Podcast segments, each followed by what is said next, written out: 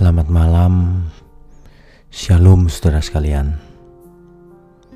Malam ini, sebelum kita menutup mata kita untuk tidur, mari kita renungkan baik-baik. Manusia itu jatuh ke dalam dosa, sebagian besar karena iri hati, sehingga ia iri hati agar dirinya diangkat menjadi tinggi, dimuliakan. Inilah akar dari banyak kejahatan yang ada, yaitu manusia yang iri hati kalau melihat orang lain lebih sukses. Sebenarnya ujungnya adalah ia mau dimuliakan ia mau sukses sendiri. Dan ini sudah terjadi sejak dahulu kala. Kain iri hati kepada adiknya Habel karena persembahan adiknya diterima sedangkan persembahannya tidak diterima oleh Tuhan. Iri hati akhirnya malah melahirkan pembunuhan yang pertama. Coba siapa lagi? Miriam dan Harun iri hati melihat Musa begitu dekat hubungannya dengan Tuhan. Dan kesalahan itu fatal.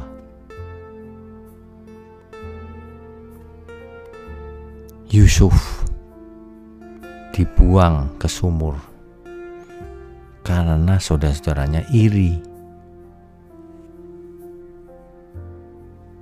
Iri hati ini memang merusak sekali.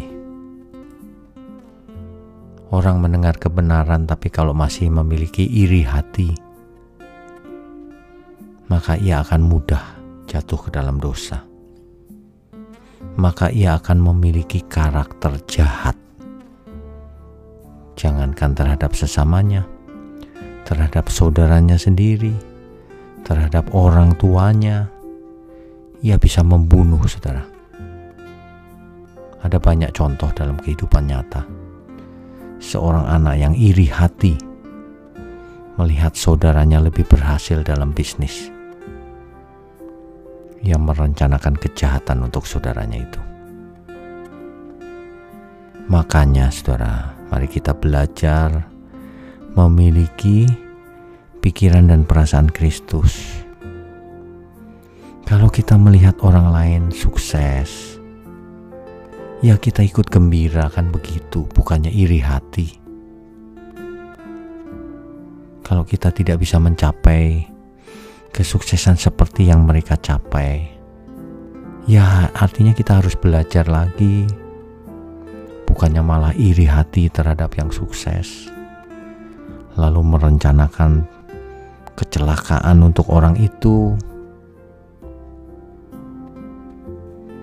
Iri hati dan ingin dihormati, itu sangat merusak cara berpikir seseorang. Orang yang memiliki iri hati dan ingin dihormati, pasti ia tidak memikirkan perasaan Tuhan. Pasti fokusnya adalah diri sendiri. Makanya hatinya panas.